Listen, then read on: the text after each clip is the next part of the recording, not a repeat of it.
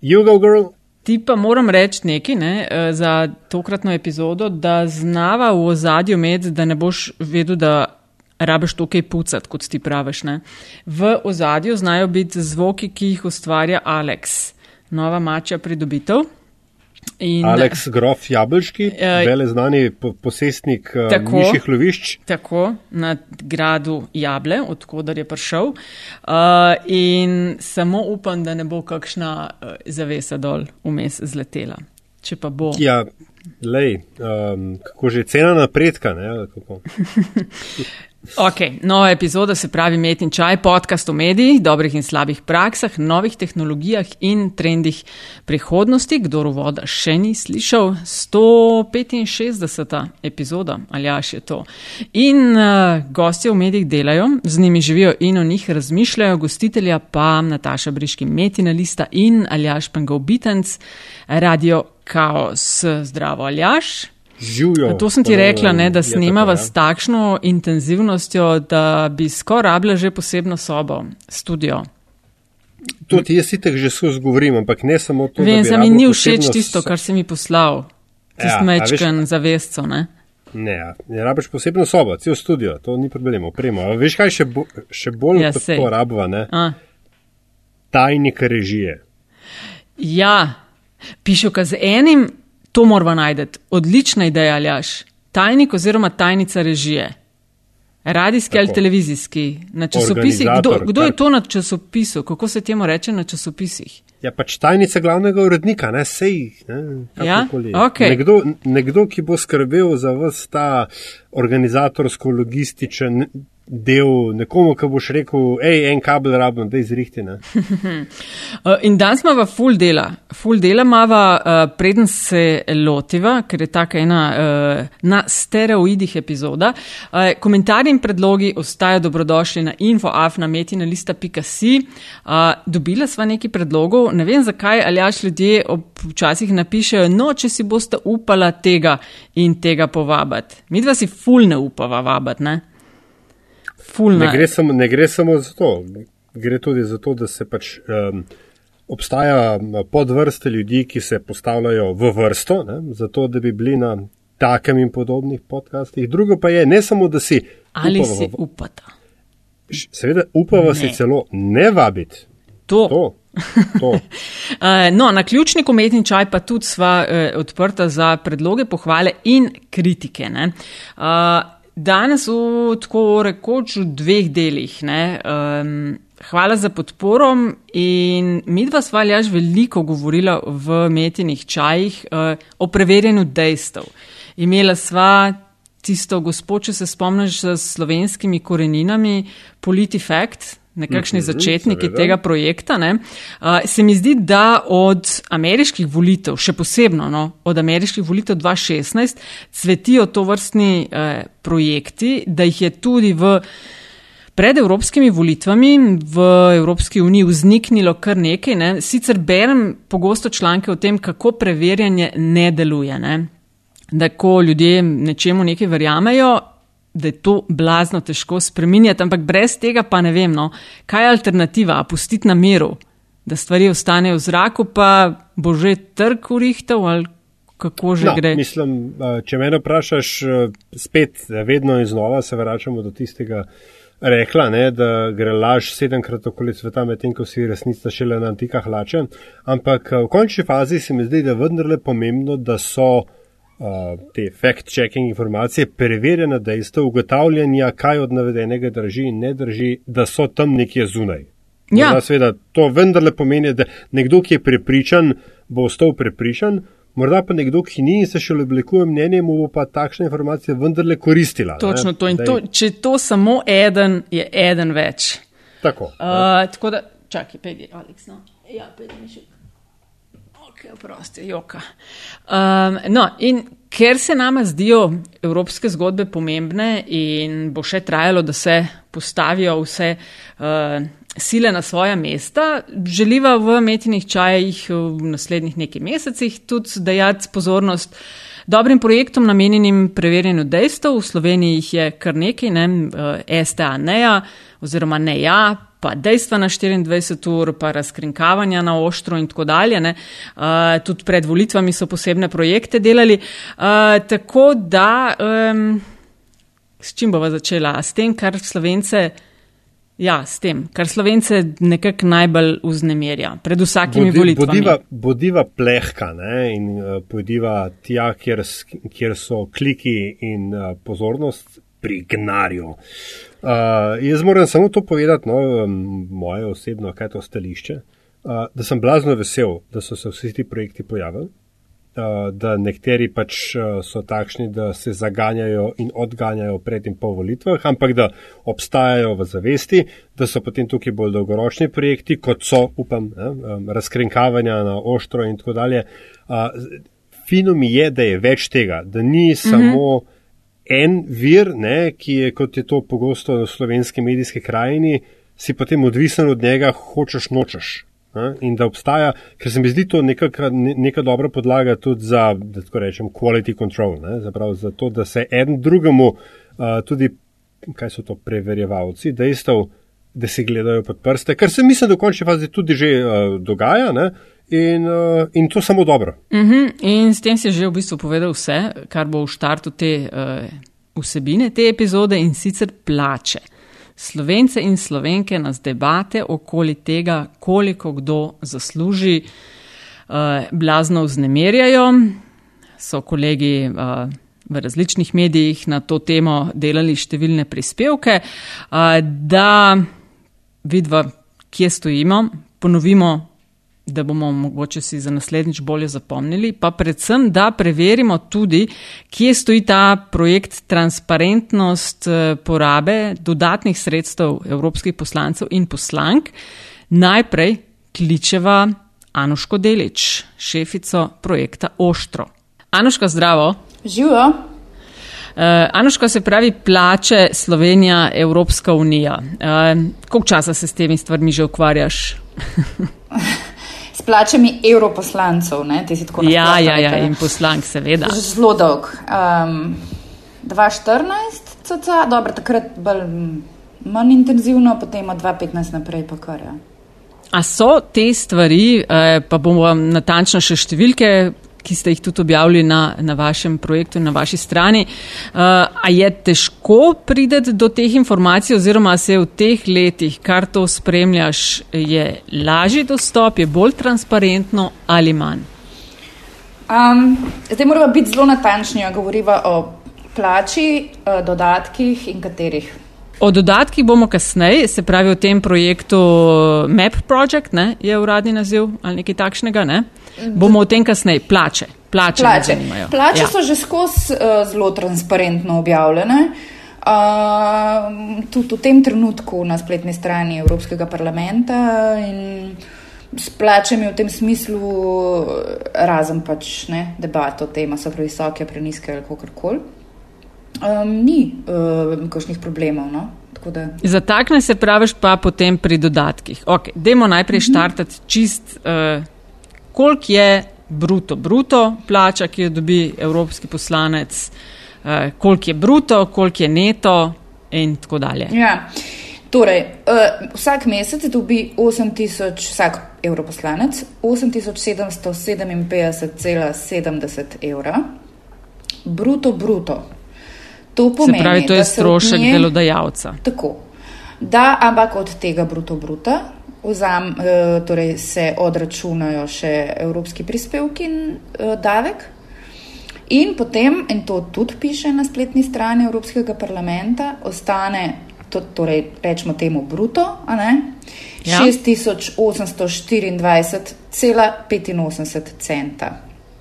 Um, Potem je pa tako, nekateri evroposlanci, oziroma v nekaterih državah evroposlanci na ta znesek plačajo še nacionalne davke, seveda ne vseh, zaradi tega, ker pač del, se, se veš, ne delajo tam, rezidenco imajo tukaj, skratka. V glavnem, plačajo davke uh, še državi in naši poslanci so eni izmed teh, ki jih morajo še plačati. In recimo en primer neta je 5594,51 evra, pravim, da je to primer, zaradi tega, ker pač so seveda osebne olajšave in podobno, a ne potem stvar posameznika. In pač ni, ne more biti neto isti za osem poslancev, ampak recimo, da se tle nekje gibljemo. Se pravi, 5000 plus nekje 5000, je tisto, kar neto 5500, dobijo, zaslužijo 5600, pa 6800 za res bruto.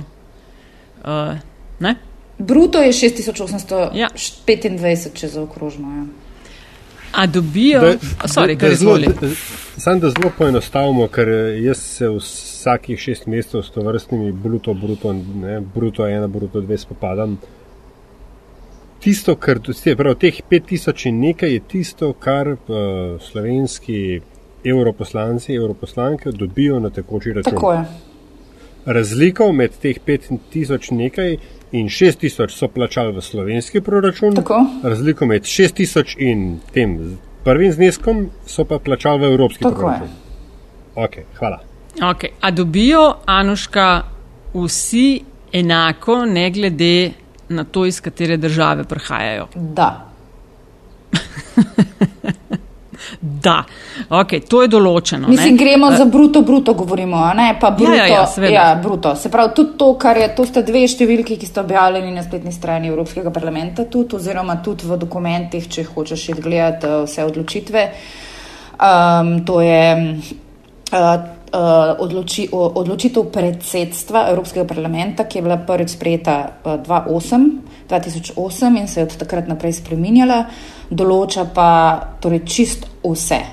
Od plače do zdravstvenega zavarovanja, do penzije, do dodatkov, se pravi, kompleten finančni paket evroposlancev v bistvu določa. Mhm. In v tej odločitvi oziroma odredbi, ne vem, kaj, kako je decision of the bureau, verjetno je odredba ali kaj svem. Odločba, a ne, ja, je še boljš kot odločitev, hvala malce lovim, ko v angliščini berem to. Pa pa. Skratka, uh, ne, jo, jo pač periodično spreminjajo in um, si povišujejo dodatke in pač karkoli že je treba spremeniti. Uh, tako da vse to, celo genezo plače se da spremljati uh, prek pač uh, te uh, odločbe um, in kako se je spremenjala skozi leta. No. Uh, tako da mhm. vsi zneski so v bistvu objavljeni in dostopni javno, uh, ne, razen okay. neto. Ja za slovensko ekipo, ki dobi 5000 plus, približno neto, uh -huh. uh, dobijo dodatno še vsak, ne samo slovenci in slovenke, dnevnice za vsako zasedanje parlamenta. Ne, ne samo dnevnic... za zasedanje parlamenta. Aha. Dobijo dnevnice za, torej, kadar opravljajo delo.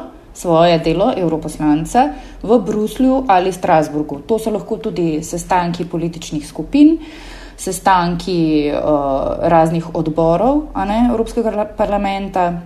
Um, do neke mere sodijo zraven tudi zunaj parlamentarne aktivnosti, torej aktivnosti, ki se dogajajo ali v matični državi evroposlanca ali pa v drugih državah uh, EU oziroma zunaj. Uh -huh. Pardon, zunaj. Sorry, zunaj, ne v EU. Uh, čekaj, zdaj so se ravno ta pravila spremenila in mislim, da je zdaj tako, da Uh, torej vse, kar uh, pokriva, da z daily subsistence allowance, torej z dnevnicami, uh, pokrivajo vse sestanke znotraj Evropske unije, kar je pa zunaj, je pa potem prepolovljena dnevnica, ki letos znaša 160 evrov. Uh, Koliko je pa polna? Polna je pa 320, se pravičujem, ja, 320, uh -huh. s tem, da recimo lani je bila 313, ne? tudi dnevnica se konstantno povišuje. Uh -huh. um, In na 313 je zlezla, nisem zdaj več čisto procentna, mislim, da je bila 294 tam nekje 282. Mm -hmm. Se pravi, načeloma oni na 5000 plus plače, dobijo, če pet dni na teden delajo, tako kot je nekak običajen delovnik, še petkrat 300 plus evrov, se pravi ja, še ampak, 1500 evrov na teden. Ja, ampak dodatno. ne delajo pet dni na teden, mislim, delajo morda pet dni na teden, ampak recimo sestankovanje, ker kaj je pogoj, da ti sploh lahko uh, klejmaš, kako se to po slovensko reče, zahtevaš dnevnico. Se, uh, vsi evroposlanci se morajo upisati v registr na vzočih ali na zasedanju, ali na nekih sestankih, odborih, whatever. Okay, to je načeloma, se pravi, ni lahko, nujno. ni pa nujno. Ne? Ja, ampak. Um, Poprečje imajo koliko? 3-4 dni. Ja, ampak jaz ne vem, kdo je to poprečje izračunal. Uh, Menda, da je štir dni. Uh, ampak spet Aha. odvisno od poslancev. Tudi, uh, ti si se ukvarjala veliko z, uh, z VoteWatch podatki, se spomnim nekoč, pa tako vse veš, da imajo pač različne, različno aktivni so. Okay, ampak načeloma na plačo dobijo tisoč na teden za prisotnost na teh stvarih, za kar dobivajo plačo. Ne govorim zdaj to zaradi tega, ker se mi zdi velik, meni se te plače sploh ne zdijo eh, zelo velike, za razliko od teh, tega razburjenja, ki se vsakič znova, ko imamo volitve, dogaja ravno okoli tega, koliko kdo zasluži, ampak to, da ljudje. Absolutno, vejo. v plačah sploh ni problem. Problem je v, splo, v splošnem nadomestilu oziroma dodatku za splošno porabo, ki je dejansko druga plača. Tle je problem. Se pravi, ta njihova regularna plača, ok, ampak fora v tem, da so oni zdaj deset let prejemali še eno plačo zraven. De, dejansko. Zdaj, okay, to pa govorimo zdaj, če te prav razumem, že o teh dodatkih, ki so približno 4000 pa še neki in so namenjeni vodenju pisarne in tako dalje. To je ta projekt, ki si ga ti vodile na evropski ravni. Ne? Ja, ampak ne govorim zdaj, nisem tega zdaj not prenesla zaradi tega projekta. Hodla sem, sem, hodla sem nekaj drugega reči. Ne? Se pravi, okay, najprej splošno nadomestilo, letos je 4513 evrov. Uh, takrat, ko so ga prvič dobili splačenega, leta 2009, je bil pa 4202 evra. Torej, tudi to so si povišali in so si ga tudi povišvali, recimo, sploh v zadnjih letih, ko je bila uh, prav tudi zaradi projekta Evroposlanci uh, ta tema o splošnem nadomestilu zelo aktualna, so si ga spremenili, evo, od takrat, ko smo mi vložili zahteve na, Evropsko, na Evropski parlament, en, dva, tri, štirikrat se je spremenila. Trikrat se je spremenila. Ne, mm -hmm. Povišala. No, kakšen je status, zdaj to pa končamo, kakšen je status zdaj tega projekta? Ni tega projekta več v tem smislu, ker je pač sodišče, nas, sodišče se je odločilo, kako se je odločilo. Uh, Um, mi nismo imeli uh, podlage za to, da se pritožimo, zaradi tega, ker um, uh, je pač srč problema tiči v direktivi o zasebnosti, um, ki pač v nobenem primeru ne dopušča možnosti za preva, prevlado javnega interesa nad varstvom osebnih podatkov, tako na najkrajši možen način povedano. Um, to, no. Bi pa mogoče sam še eno stvar, ki še mogoče o dnevnicah, če lahko še dodam. No, da je ena... bo zanimivo. No, recimo, ne vem, če bo. Jaz bi sam tako, no. Jaz, če smo fair, v resnici dnevnic ne moramo uštevati v osebne prejemke evroposlancev. Razen, če predpostavimo, da je 751 evroposlancev odado že vseh pokvarjenih in vsi porabljajo dnevnico v, nas, v nasprotju z, z pravili. Uh, pravila so, da je dnevnica 320 evrov, 160 evrov, whichever, da je izključno namenjena iz, torej, uh, izdatkom, ki jih ima evroposlanec pri upravljanju svojega dela, recimo v Strasburgu. Uh, in ne more tja noter, se pravi, naj ne bi iz dnevnic plačeval svojih osebnih potreb, osebne potrošnje. Zdaj, mm -hmm. lahko, da, lahko da to počnejo, tega pač ne moramo vedeti, ker nam parlament ni dal pogleda v njihova dokazila, ki smo jih zahtevali, a ne v projektu, prav zaradi tega, da bi lahko to. A za dnevnice morajo dokazila dejati? Seveda morajo, za vse morajo dati dokazila za, pravi, za potovanje, za, za dnevnice. Mislim, dnevnice je tako, eh, pardon, za dnevnico se morajo podpisati. Potem pa, kar je povračila hotelskih in tako naprej, morajo pa pač vedno dajati uh, dokumente. Se pravi, ne, ampak Pred desetimi leti je RTL razkril, kako so evroposlanci takrat uh, zlorabljali to dnev, uh, dnevnico, tako da so v petek prišli, so se podpisali, že s kufri in so samo šli. Se pravi, niso sodelovali, ne? samo prišli so se podpisati in so dobili dnevnico. Tako da, se pravi, če bi se pač mi, novinari v projekta Evroposlanci, lahko v narekovajih spravili nad te dokumente, ne, bi seveda lahko analizirali in preverili, preverjali ali ne, pa morda obstajajo evroposlanci, ki še vedno zlorabljajo te dnevnice, oziroma itak imamo določene indice, ampak pustimo to. Ne. Se pravi, tako no. In zdaj problem tega splošnega nadomestila pa je, da za njega nihče nikjer, razen tistih evroposlancev, ki čuvajo, ki hranijo svoje uh, račune ne, uh, za izdatke iz naslova splošnega nadomestila, nihče nikjer nima uh, dokazilo porabi. Uh, poleg tega, do letošnjega leta, torej do tega mandata, zdaj, ki se začenja, uh, so evroposlanci te, ta nadomestila prejemali na isti bančni račun kot svojo plačo. Tako da, kot rečeno, gre za de facto drugo plačo. Uh, vsaj v enem delu, pri nekaterih poslancih, pri nekaterih pa kar v večini. In Sorry, da ali jaš, prosim. Ja, hotel sem, se, nisem hotel prekiniti tega. Dial, di, ne, ne, ne, dialoga nasploh, ker mi je tudi Nataša zelo um, um, dobro usmerjena vprašanja. Ampak um, sam zanima me, a so recimo, jaz razumem zdaj um, stališče parlamenta kot inštitucije, pa razsodbe Evropskega sodišča, oziroma sodišča EU tukaj v Luksemburgu. Uh, jo? Razumem, to, kaj, mislim, razumem, da obstaja. ja, ja, veš, in, in razumem tudi, kaj to pomeni za vaše delo. A, ampak a obstajajo razlike med poslanci? So recimo, a so kakšni, upam, da so, ne vem, sprašujem, ki recimo so bolj odprti glede, ki so vam volj, volj, voljani, voljni, dati te informacije. Um, pač zato, ker bi vi radi do njih prišli, ker hočete delovati transparentno. Mi smo jih skozi vsa ta leta spraševali, vsakeč znova. In nihče tega ni hotel storiti, saj kar slovencev. Ni, ni, nihče od 751. Ne, ne, ne, ne tako počasi, zdaj govorimo o naših poslancih. Ja. Ja, Aha, naše okay, smo spraševali, sicer pa smo v okviru projekta Europoslanci vprašali vse europoslanci, s katerimi smo bili v stiku. Namreč nekateri niso odgovarjali ne na maile, ne na klice, ne na, na nič. Na na, na nič.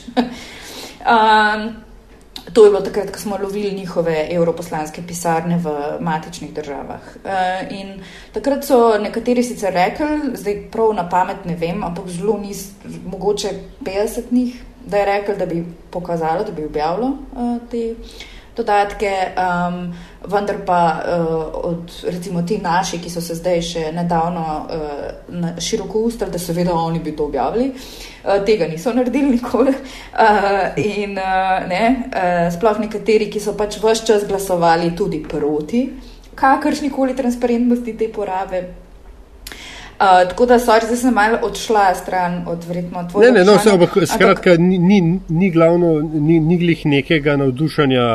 Uh, ne, nikoli doma, ni bilo. Oni ne. so, mislim, evroposlanci so praviloma vedno. Uh,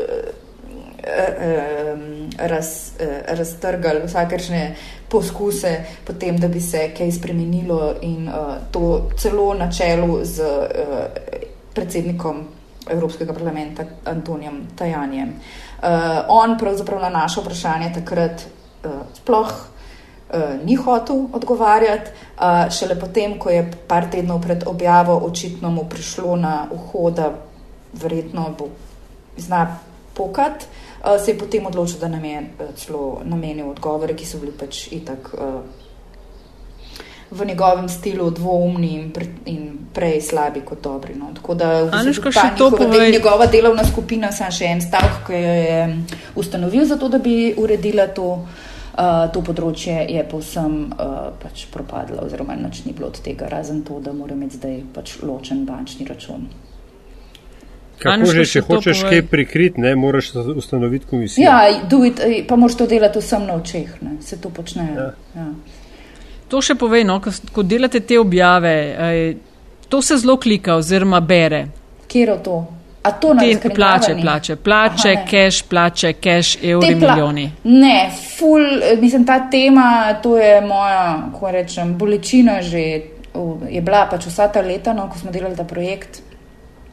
Redki mediji so uh, tudi pri nas. No, čakaj, red, redki mediji. Vsa soočenja ne minejo volitve, da ne bi odnarju delali. Volitve, ja, ampak ti si rekla te prispevki. Eh, prispevki ja, sej to, kar ste se o tem, ko.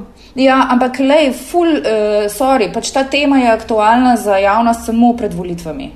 Uh, potem pa pet let lahko vsak teden verjetno trobiš o tem, pa se jim zdel pač za to, whatever. Itak so tam, itak kradejo denar, itak imajo prevelike plače, itak živijo na naš račun, itak, itak, itak in pač vse je tako, kot je vedno bilo in da je cit in se pač ljudje s tem ne ukvarjajo. A veš, da naj jo bo zanimalo, ker mala gosta, ki je iz Francije, pa živi in dela kot dopisnik tukaj v Sloveniji, me bo zanimalo, a je tudi v Franciji pred volitvami vedno tako, da se sprašujejo in zgražajo, koliko kdo zasluži in zakaj toliko, če pa jaz ne toliko. To v zvezi z graženjem ne vem, zagotovo so pa v Franciji veliko bolj, uh, kako se temu reče, uh, živahni, uh, kar zadeva obravnavanje nepravilnosti evroposlancev. Uh, in imajo pravzaprav francoski evroposlanci v zdaj temu mandatu, ki pač bo zdaj, zdaj se tudi uradno ne, zaključil, um, cel kup škandalov. Uh, ne sicer samo v, stra, uh, med evroposlanci iz vrst uh, stranke Marine Le Pen, ampak tudi še par drugih čudnih primerov imajo. Tako da so se zelo veliko temo, s tem ukvarjali, recimo tudi francoski mediji in, in javnost, celo do te mere, da so že mal zasičeni. No, tako, uh, vsaj no, po besedah evo, nekaterih mojih zanimalo. kolegov iz, uh, recimo, temu vodilnih, pač francoskih medijev. Tako, no. Okay. Ja. No, in, kako, in kako to je, zakaj temu je tako, upava, upava zvedla v, v pogovoru z najnim naslednjim gostom. Anuška, hvala. Ej, hvala vama. No, in Nataša, najn naslednji gost eh, pa je eh, francoski novinar, že dolgo leta živeč eh, v Ljubljani. Charles Non, ki primarno dela za medij, outlet ne, v lepi slovenščini, Courrier de Balcon. Charles, lepo pozdravljen. Lepo pozdravljen. Zdravo, Šarl, sem Zdravo, upala, Aljaš, da boš ti izgovoril ime tega uh, uh, časnika oziroma medija, za katerega dela. Ja, lej, po, po dveh letih in pol učenja francoščine bi se pa lahko tudi jaz že kaj oziroma. Lepo si, naučil, lepo si rekel. Hvala. Uh, Šarl, pred tabo sva gostila kolegico Anuško Delič, ki je šefica projekta Oštrom uh -huh. in se ukvarja med drugim tudi z preverjanjem dejstev projekt in smo debatirali o Eh, financah, v bistvu o plačah, ki jih evropski poslanci dobivajo in kako je to vedno znova pred volitvami in v kampanjah v Sloveniji to velika tema. Dobro. In naj jo zanima, preden gremo uh, naprej o tvoji medijski poti in življenju v Sloveniji, me zanima pa res. A je v Franciji pred vsakimi volitvami vedno znova debata ne samo o tem, koliko kdo za kaj zapravi, ampak tudi v kontekstu, wow, kakšne milijone in milijarde dobivajo? Mislim, v bistvu, da A se ne. to torej, problematizira? Ja, ne vem natančno, kaj vam je uh, Anuška Delič povedala, ampak mislim, da ta problematika ni bilo tako uh, toliko prisotna med to kampanjo. Morda deset let nazaj je bilo to zelo občutljivo vprašanje, zdaj le mislim, da smo se pogovarjali o bolj eksistencialnih problematikah, ki zadevajo Evropsko unijo. Uh, to je v bistvu moja zelo pogosta anekdota. V Sloveniji je povprečna neto plača 1000 evrov, če se dobro spomnim. Pol, Mislim, da je. Ja, ja izvoli. Ja. Medtem ko pa predsednik republike si zasluži 4 jurje, 5 jurjev na mesec. V Franciji je povprečna neto plača 2000 evrov na mesec, medtem ko si predsednik republike zasluži 20 tisoč evrov. Tako da po mnenju ni to tako politično koristno govoriti o teh tematikah. Uh, jaz bi rekel, da se raje osredotočimo na uh, birokracijo v Evropski uniji, na dejstvo, da uh, češ da evropski birokrati, evropske inštitucije ne skrbijo za vsakodnevne probleme. -hmm. A je v teh volitvah se pravi, se ne nekako problematizira višine denarja oziroma plač, ki jih uh, vaši poslanci dobivajo za delo v Evropskem parlamentu? O tem se je malce govorilo, ne bi mogel uh, na pamet uh, izreči pametnega primera, ampak mislim, da ni bilo osrednja tematika. No, sej, kot si, kot si rekel, ne, um, tokrat je šlo bolj, saj zdelo se je, da je um, šlo za, uh, oziroma predstavljali, želeli so to predstaviti kot boj med dobrim in zlim, ne, v končni fazi med uh, Emanuelom Macronom na eni in Marine Le Pen na drugi strani, kjer je bil um, rezultat izenačen. Kako ti je uh, kot uh, francozo ne, v uh mhm. -huh. taki mehni državici, kot, kot je Slovenija, gledati uh, to, kar se recimo dogaja v tvoji domovini od zunaj? Malce težko odgovoriti na to vprašanje, ker če živiš v Strasburu, si že daleč od centra moči. Ha, da, to je res. A, v bistvu, ko letim iz Strasbura v Ljubljano, nimam takšnega občutka, da pustim svojo državo in da pridem v drugo državo. uh, kjer je realnost tako drugačna. Uh, v bistvu način informiranja moj ni tako drugačen, berem iste medije, uh, se informiram na enak način. Mm, jaz bi rekel samo glede uh, slovensko-francoskih odnosov, da je tukaj očitno povezava med Slovenijo in Francijo bolj kulturna, bolj uh, intelektualna in se ne toliko uh, ukvarjamo s politiko ali s gospodarstvom. Šarl, zdaj nama zaupaj, no, kako si sploh prišel v Slovenijo oziroma uh, tvoja povezava z mediji. Ja si to študiral, zakaj se s tem ukvarjaš? Ja, to je zelo dobro vprašanje in zato niti jaz nimam odgovora, ampak se bom potrudil nekaj uh, povesti. Um, deset let nazaj, morda 10-12 let nazaj, sem pisal za uh, nek časopis spletni, ki ga upravlja uh, Evropska nevladna organizacija, ki se imenuje Jeff Europe. Uh, ne vem, če to poznata. Uh, Young European Federalists. Tako da se je začelo z bolj angažirano aktivnostjo, pol pa sem to nehal, sem pisal nekaj desetin kolumn, potem pa sem nehal.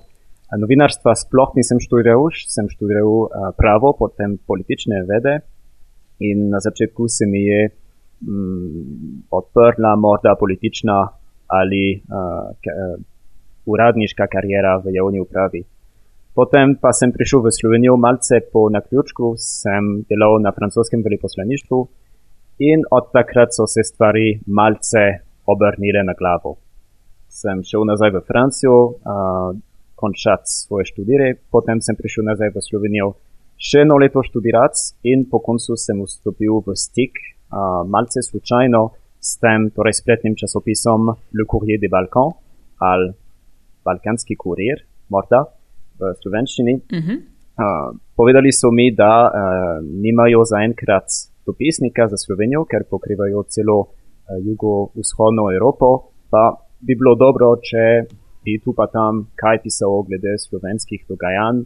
Sem odgovoril, zakaj ne. Torej sem pisal en kratek članek, potem dva, potem pet, potem deset, potem petdeset, potem reportaže, potem intervju in zdaj uh, peto leto zapored uh, pišem za nje in seveda tudi zdaj za druge evropske in pretežno francoske medije. Moram reči, da mi je zelo zanimivo, ne? že ko so se spoznala Šarl v Ljubljani in ko si mi rekel, da, da mi povedal, s čim se ukvarjaš, uh -huh. uh, da sem bil fasciniran nad dejstvom, da francosko publiko uh, očitno dogajanje na Balkanu, ali pa te, kaj se to reče, zdaj jugozahodna Evropa, ne, uh, je tak politično pravilni termin, um, da jih dovolj zanima, da se lahko nekdo s tem profesionalno ukvarja. Se pravi, da obstaja medij, ki je namenjen izključno tej regiji za francosko publiko. Teh medijev je v bistvu zelo malo. Torej, kar se tiče francoskega jezika, se mi zdi, da smo eni, ki se ukvarjamo izključno s to regijo. In v bistvu imaš prav, ker se je začelo kot, kako bi rekel, volontarsko, prostovoljsko aktivnost nekaj malce norih novinarjev, ki so bili 20 let nazaj nekje v Črni gori in so se začeli ukvarjati z tamkajšnjimi konflikti in potem se je zadeva začela profesionalizirati. Um, na začetku je bilo totalno brezplačen, uh, brezplačne, brezplačna ponudba recimo uh, in smo začeli uh, bolj strokovno izvajati um, izvajati svoje aktivnosti. Torej, na začetku se je tudi začelo s prevodi uh, iz lokalnih časopisov, potem pa smo imeli bolj, ne bi rekel resne, ampak bolj profesionalne, strokovne dopisnike in potem se je ustvarjalo neko majhno, skromno, uh, jedrnato mrežje dopisnikov po tej celi regiji. In ne vem, kaj bi bilo, če bi obstajala dva časopisa oziroma dva približno enaka medija, ampak zaenkrat imamo nek recimo nek monopol. Tega ne bi mogel mhm. reči uh, za vse jezike, torej imamo neko sestrično, ne vem, če poznate Balkan Insights. Za ja, angliški ja. jezik, tudi za italijanski jezik obstaja Observatorio di Balkanije Kokazo. Se prečujem za italijanske poslušalce, ki sem nekaj narobe povedal. Super. Tudi z, z njimi sodelujem. ampak seveda francoski interes, francosko zanimanje za to regijo ni zelo visoko, ampak obstaja. To je v bistvu niša. In če se osredotočaš na nišo, imaš zelo dobre šanse, da ti uspe. No, povej mi, kaj pa jih zanima. Praviš, da prav zanimanje ni zelo veliko, ampak kadar jih pa kaj zanima, kaj je to? To je čisto odvisno od držav. Od države. Za Slovenijo, sam za Slovenijo me zanima. Za Slovenijo imamo bralce, predvsem izven Slovenije, to se pravi francozi, um, belgijci, pa še nekaj tu pa kaj na, v Švici, pa v Kanadi. To se pravi francosko govoreči ljudje, ki imajo neko ali posebno ali intelektualno zanimanje. Ker zadeva teme, so najbolj zanimive. Ja. Ali najpomembnejše novice, torej, če se, dogaja, če se dogajajo volitve, naprimer notranja politika, ampak najbolj znatne novice so lahko zanimive. Sicer pa imate ogromno morebitnih turistov, ki so že prišli enkrat v Slovenijo ogledati medvede ali Alpska jezera. Oh, pa... Lepo, da si šarl, lepo, da si medvede omenil na prvem mestu. Jaz sem izkočil skedaj. Aha, dobro. Kjer so medvedi. In vem, poslušam vsakič, kadar grem na tist konc, ali až nisem mogla verjetne. En kup turistov, če ne celo največ francozov pri nas. Res, ja. na našem koncu. Ja. Samo francozi so dovolj nori, da prihajajo medvede gledati. No, ja. sicer se imamo itak to bilateralo, da, jim, eh, da vam medvede tja izvažamo, ne, vsake tak, toliko. Ja. Sicer nis, ni, vaši kmetje niso najbolj zadovoljni, pa potem te medvede nekako ne doživijo visoke starosti. Ja, ne. Ampak. Eh, ja, po nekaterih anketah uh, se je nekaj zgodilo z mladeničema uh, medvedke ki so jo francozi ja, zgodi se jim vedno kaj. Ja. uh, ampak to so naprimer majhne anekdote, ki so lahko temelj povezane med uh, tema dvema državama, poleg seveda bolj pomembnih starih. Tako da politika, uh, sigurno naj, najpomembnejše novice, uh, narava, mislim, tega, tega ne gre podcenjevati. Tudi mal bolj anekdotične novice, ne vem, če bo Slovenija poslala dva satelita v vesolje, to, je, to se sliši malce čudno v Franciji, tako da bodo ljudi imeli neko radovednost. In pa seveda tisti bralci, ki imajo zelo površinsko zanimanje, ampak bolj splošno in želijo malce boljše poznati Slovenijo in zaradi tega bodo morda kliknili na katerikoli članek. Ampak uh, a gre to zanimanje, zdaj mogoče to mečka nehvaležno vprašanje z moje strani, gre to zanimanje tudi v drugo smer. Namreč jaz razumem, da se v tako veliki družbi, kot je Francija, ki ima kaj 65 milijonov prebivalcev, zelo malo. Samo, ja, ne, ampak. Um, Da obstaja pač neka niša, kot si, kot si pravilno rekel, za, ki jo zanima Balkan ali pa znotraj tega Slovenija in tako dalje. Ali v Sloveniji, po tvojem opažanju, obstaja zanimanje za Francijo, francosko družbo, za dogodke v Franciji, mimo tega, kar sicer ponavadi potem postane nek um, tak headline news, ne, se pravi, ali je to kaj z Macronom ali z želežom protestne, tako dalje, ampak pač, da bi, da bi ljudi v Sloveniji zanimala Francija kot taka. Kar trik, tricky. Um, ko se pogovarjam s slovenci tukaj in da rečem, da sem francos, seveda najprej pride presenečenje, kako si francozi lahko govori slovensko, ker da že obstaja nekaj manj vrednostnega kompleksa, nekje v podzavesti, s čimer se ne strinjamo, ampak se lahko pogovarjamo malce kasneje. Mm, jaz bi rekel, da zanimanje za Francijo obstaja. Mislim, ne gre dvomiti, da je Francija malce bolj vplivna kot Slovenija, malce bolj poznana. Uh, Majčken, ampak sam majčken. Sam majčken, ja, ja, seveda. Ne vem, zakaj se hecam. Šarl se hecam. Ne, ne, ne bi rekel, da je Francija velika država, ampak malce več kasneje. Um, kaj, bi, kaj bi lahko rekel, da obstaja ta daljava, mislim, ta distanca. Um, o Franciji se veliko pogovarja glede pisateljev, glede glasbenikov, glede morda nekih čudnih inovacij, ampak vedno ali zelo pogosto se oziramo na preteklost. Tako da nisem nikoli uh, nikogar slišal, ki bi rekel, da je Francija država prihodnosti ali da bi želel, da obstaja več povezav ali več stikov med Slovenci in Francozi ali med Slovenijo in Francijo. Mislim, seveda, poleg navadnih floskul. Uh, to se sliši, tu se sliši, da, da je Nemčija zelo, zelo zanimiva, zelo pomembna, tudi Avstrija, Italija. Obstaja neko mladinsko zanimanje za morda Španijo.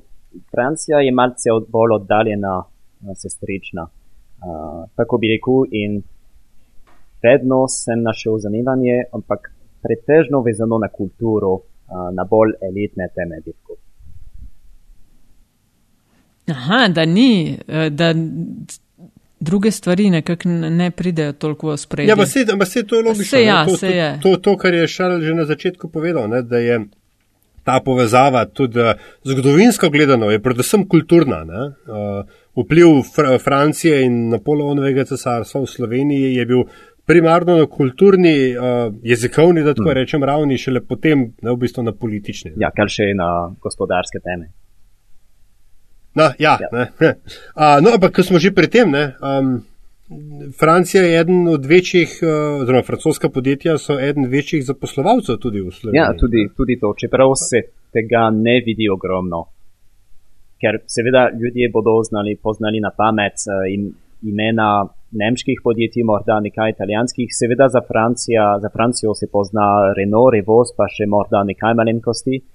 Morda bi se kaj dalo narediti za pospešitev tega poznavanja države, ki niso sedmi, ampak skoraj. Kako pa, kako pa recimo ti, da se mogoče zdaj malo obrnemo na, na tvoje delo v Sloveniji? Ko ti prideš, oziroma drugače, a ti sam zbiraš teme, ki jih boš um, pokrival, ali pa zgodbe, ki jih boš pisal, ali pride nek interes iz glavnega uredništva in ti pač povejo, da je naredi to. A, to se zgodi zelo redko. V bistvu imam ogromno svobode, kar zadeva izbiro tem ali um, topikov, na katere bom delal.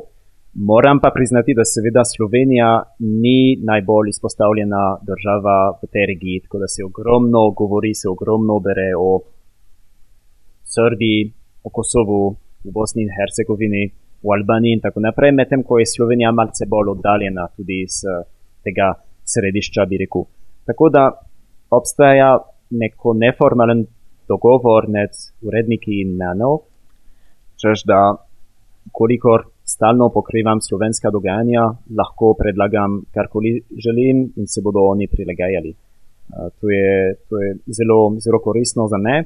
Moram tudi dodati, da v bistvu v Sloveniji ni ogromno breaking newsov v primerjavi z drugimi državami.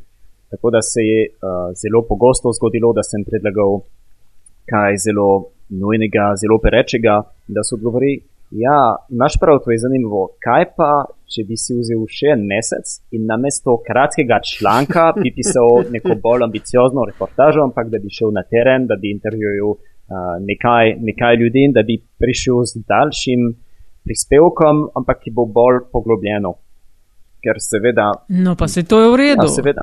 To se dobro sliši. Ja, seveda v redu, tako da ogromno stresa ni pokrivaš Slovenijo za, uh, za Francijo. Uh, in to je, to je tudi zelo dobro. Uh, pol pa seveda je vsak dan, vsak dan zelo huda bitka, da lahko postavljaš svoje teme uh, v spredje.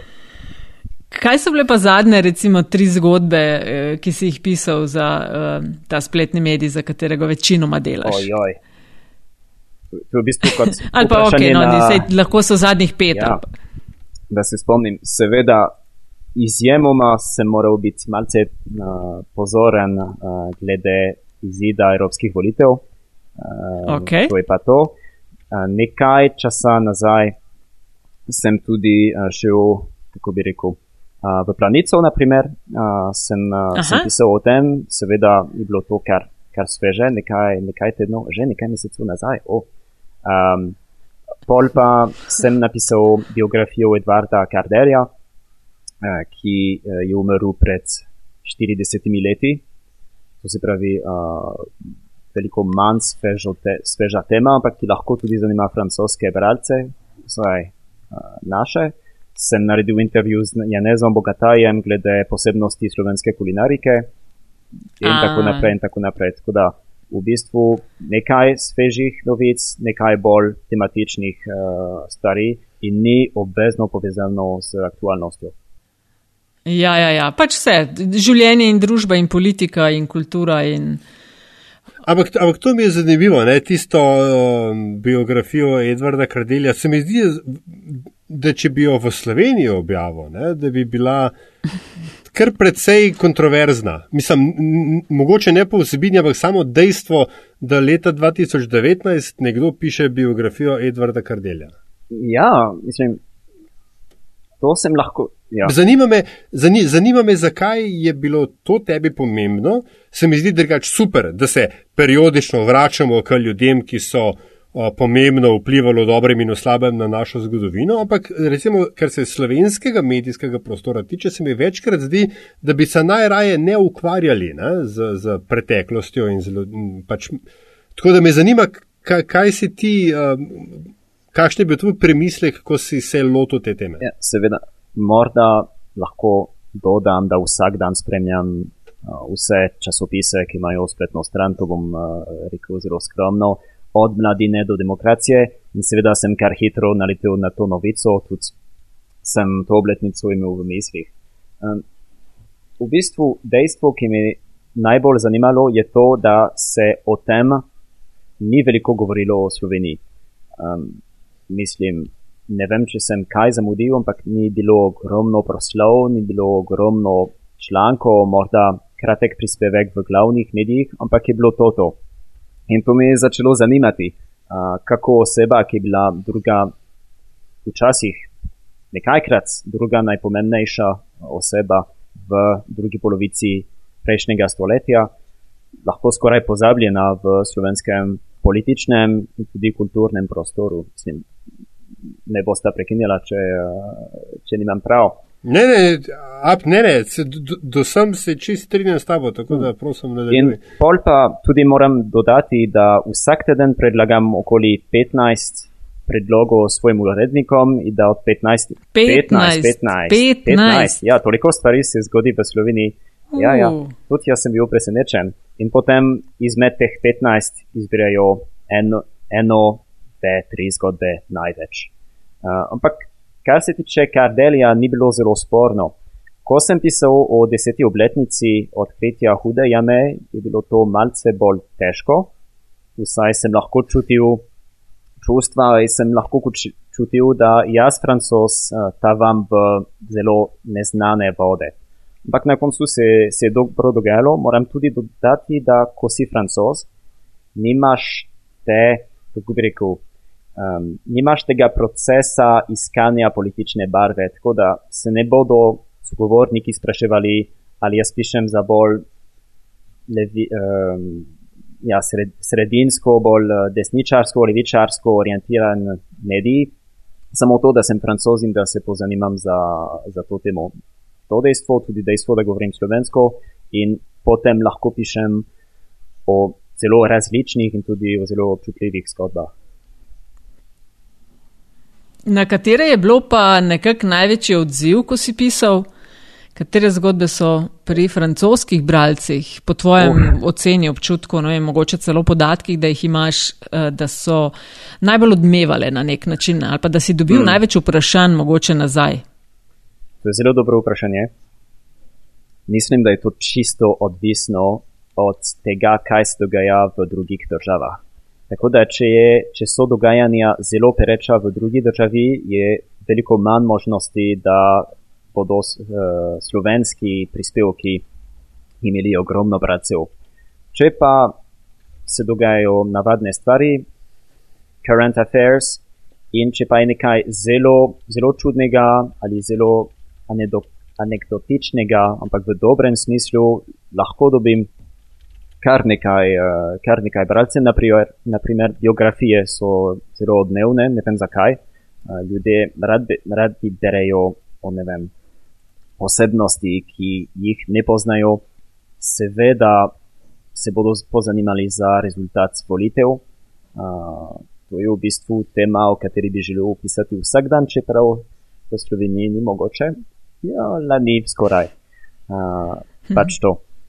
To je res čisto odvisno od, od cele regije, tako da so tudi države zelo povezane med sabo. Tudi če lahko kaj pišem o odnosih med Slovenijo in Hrvaško, evo pokrivam dve državi, tako da imam dvakrat več možnosti, da dobimo dodatno zanimanje. A tudi veliko potuješ ali si v glavnem v Sloveniji? Ne, ne v gla sem v glavnem v Sloveniji, tu pa tam sem šel na Hrvaško, ampak v bistvu pretežno pokrivam Slovenijo. Tu pa tam tudi naredim infografike za, za Courrier de Balkan, ki pokrivajo regionalno zanimiva dogajanja oziroma področja, naprimer o Romih na Balkanu ali o podnebnem spremembu, o razminiranju, kar ne zadeva Slovenije, tako da ponavadi pa ostanem v Sloveniji. Ja, še mogoče zadnje vprašanje, uh, pa je to tako, da rečem, tipično slovensko. Um, ampak kako ti vidiš slovenske medije oziroma tako slovensko medijsko krajino? En, pač, da ti razložim samo, zakaj to sprašujem. Po eni strani se mi zdi, da imamo zelo veliko medijev, uh, po drugi strani se mi zdi, da imamo pa malo resnega medijskega dela. Uh, zdaj, kar se Francije tiče in francoske medijske krajine, sem morda jaz mečken preveč navdušen, mm. ne, ker zdaj za moje močene francoščine in tako dalje sem vas vesel, da lahko končno razumem en nov jezik. Ampak se mi zdi, da je dosti več intelektualnega angažmaja na vseh nivojih v francoskih medijih. Da so francoski mediji eni redkih medijev, kjer se ljudje še pametno pogovarjajo. Uh, pa se mi zdi, da v Sloveniji pa temu ni tako. No? In zdaj mogoče, a bi me popravil ali bi se strinjal, ali kako ti gledaš na slovenske hmm. medije? No? Ne vem, ali bi te popravil, ampak verjetno te bom popravil. Um, jaz bom vedno rekel, da bistvenih ali ogromnih razlik med Francijo in Slovenijo ni. Ali glede politike, ali glede gospodarstva, ali glede medijskega področja, se mi zdi, da so stvari bolj ali manj enake. Uh, kar zadeva, kako bi rekel, in, intelektualno kakovost medijskega ozemlja, če si na to namenil, se mi ja, zdi, da je kakovost bolj ali manj enaka. Uh, sem se spomnim nekaj prispevkov, ki so bili izjemno dobri. Uh, ne vprašajte za imena, ker sem jih takoj pozabil. Um, seveda je, je, kako bi rekel, pejzač, kako se to reče. Uh, mislim, ja, krajina, ja, krajina ja, hvala. Uh, medijska krajina, kar pestra in v Sloveniji, in v Franciji. Um, to ni problem niti v, niti v Franciji, niti v Sloveniji. To, kar me je najbolj presenetilo, je, da nacionalni mediji se tudi osredotočajo na lokalne novice. To se pravi, da lahko v enem od glavnih časopisov lahko bereš kaj o vlogi Kitajske v ZDA, potem pa o tem mostu v Kranju, ki je zaprt zaradi prenove. Eh, in to se mi je zdelo zelo čudno. Tako da v Franciji imaš večji razmik mislim, med temi nacionalnimi mediji, ki res obravnavajo nacionalne teme, pa lokalne medije, ki se osredotočajo na lokalna dogajanja. Um, tudi sem imel to v mislih, da ponavadi, kar zadeva um, kruta dogajanja, dejstva, ni vedno zornega kota v slovenskih prispevkih. To se pravi, da zgodba je vedno predstavljena na enak način. To se zdi malce pokroviteljsko, ampak so podatki so fakti, pol pa nimaš te posebne, posebne metode, kako lahko analiziramo uh, dodatke, dogodke. Ne vem, če sem bil jasen. Um, Hočeš reči, da ni, da, da ni konteksta v dodatku? Ni konteksta ali pa ja, ni zornega kota, ni, ni tega ja, angle. Ja. Uh, to pravimo v, fran, v francoščini. Mislim, za, za prispevek moraš imeti svoj angle in ne moreš obravnavati neke zgodbe z istega zornega kota, moraš, moraš imeti kaj posebnega, uh, nek poseben approach. Uh, naprimer, sem tudi bil zelo presenečen nad dejstvo, da so intervjuji naprimer, zelo dolgi. To se pravi, da imam občutek, da narediš intervju z nekom, z ministrom ali z komarkoli in potem objaviš vse odgovore. Torej, postaviš 20 vprašanj in dobiš 20 odgovorov. In lahko skrolaš, skrolaš, skrolaš in morda je malce manj procesiranja. Ker zadeva pa kakovost, samo kakovost, ne bi rekel, da obstaja velika razlika. Tudi francoski mediji imajo ogromno problemov s kakovostjo prispevkov in to gre od pravopisa do točnosti dejstev, ki so v, v članku, a, preko kvalitete analize. Tako da jaz se počutim kar doma v Sloveniji. Ja, odlično, mislim, Nataša, da lahko tukaj postavimo, postavimo piko, piko in gremo z zanimivostjo zaključimo. Um, si resno vzel moj e-mail, a ne? Zelo Šal. resno. Da, oh, da best. Skratka, na koncu vedno gosta vprašava po eni zanimivosti, da z nama deli in občinstvom. To je res lahko karkoli, ampak nekaj, kar uh, se tebi zdi zanimivo, vredno deliti in misliš, da bi pač ljudi zanimalo, tako da izvoli. To je bilo zelo težko, ker sem mislil, kaj, kaj lahko francoz nauči slovence, ampak bom vseeno probal. Zelo, zelo um, obsesirano se zanimam za evropsko usmerjenost Slovenije, ker obstaja ogromno stereotipov glede uh, slovenske uh, naklonjenosti Evropski uniji. Torej pravimo, da je Slovenija zelo uh, eurofile, zelo evropsko friendly, medtem ko pa so dejstva malce drugačna. In od datuma, ko sem videl ta podatek, sem res začel razmišljati vsak dan uh, o, o tem dejstvu. Torej, zadnji Eurobarometer, uh, javno-mnenjska anketa Evropske komisije, ki je bil objavljen novembra 2018, je naredil lestvico držav, članic Evropske unije, po stopni zaupanja v EU. Ne vem, če uh, je to jasno povedano. Torej, koliko ljudi, kolikšen delež ja. prebivalstva zaupa ali ne zaupa Evropski uniji. Torej, po vajnem mnenju, uh, kolikšen delež slovenskega prebivalstva ne zaupa slovenski, uh, Evropski uniji. Zelo majhen, mislim, da slaba tretjina, če ne celo četrtina smo. Mislim, da če se prav spomnim, med tistimi, ki smo večji navdušenci nad EU. Uh mhm. -huh. Ali jaš? No, uh, ja, mislim, da smo tudi uh, kaj, nekaj čez 60 odstotkov. Ja, v bistvu 56 odstotkov slovencev ne zaupajo Evropski uniji, medtem ko jih samo 37 odstotkov zaupa Evropski uniji. Uh, Slovenija je šesta uh, najbolj previdna država, ker zadeva zaupanja. In po vašem vajnem mnenju, uh, katere so države, ki še manj zaupajo Evropski uniji? Hmm, a veš, da ne vem, kaj zdaj pa ne vem, če isto raziskavo imamo v mislih. Ker bi jaz bi rekel, nazad, vi... Te, ki so ja. najmanj imeli naj, najslabšo udeležbo, recimo Slovaška, uh, kjeri so še bili zadej. Pol, ne, Poljska so se, Čehi so se tudi dvigali, pa Romuni. Ja, Ampak jaz bi rekel, da više grajska skupina. Torej, najbolj euroskeptične ja. države po seveda tej specifični javnomnenjski anketi so uh, Združeno kraljestvo, Grčijo, seveda Češko, pa Francija in Italija, kar odraža kar dobro uh, izida evropskih volitev. In se mi je zelo, zelo zanimivo, ker tuji novinari, ki pridejo v Slovenijo, imajo ta občutek, da je Slovenija zelo majhna država, da je država, ki je zaljubljena v Evropsko unijo, ki je full okolju prijazna, um, ki nima ogromno samozavesti, Um, in seveda za francoze, ki je zelo revna država, ki je pripadla bivši Sovjetski zvezi, to seveda vsi znamo, tudi angliški zunanji minister.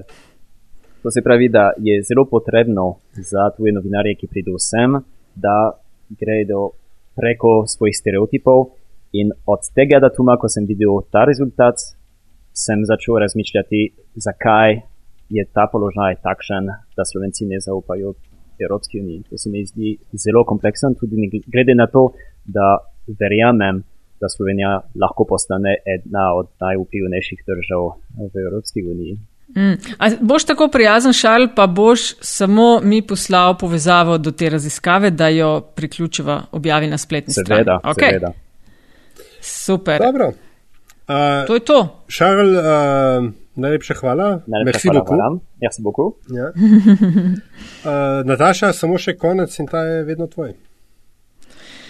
Se je imava kaj posebnega? Ja, neč, mislim, da se moramo zahvaliti vsem, ki so sodelovali v tej epizodi. Seveda, Šarl uh, uh, Non, uh, Kuhuje da Balkon, pa Anuška Delič, uh, Oštro, Oštro. Nataša Briški, imejte na lista Aljaš Pengov Radio Chaos in Aljaš Pengov Beatles ja. Radio Chaos, ne bo kdo jezen. In seveda vsi vi, ki uh, nas podpirate, poslušate, klikate, uh, občasno namenite tudi kakšen evro za nove Natašine kable. Hvala, ker ste bili z nami. Hvala.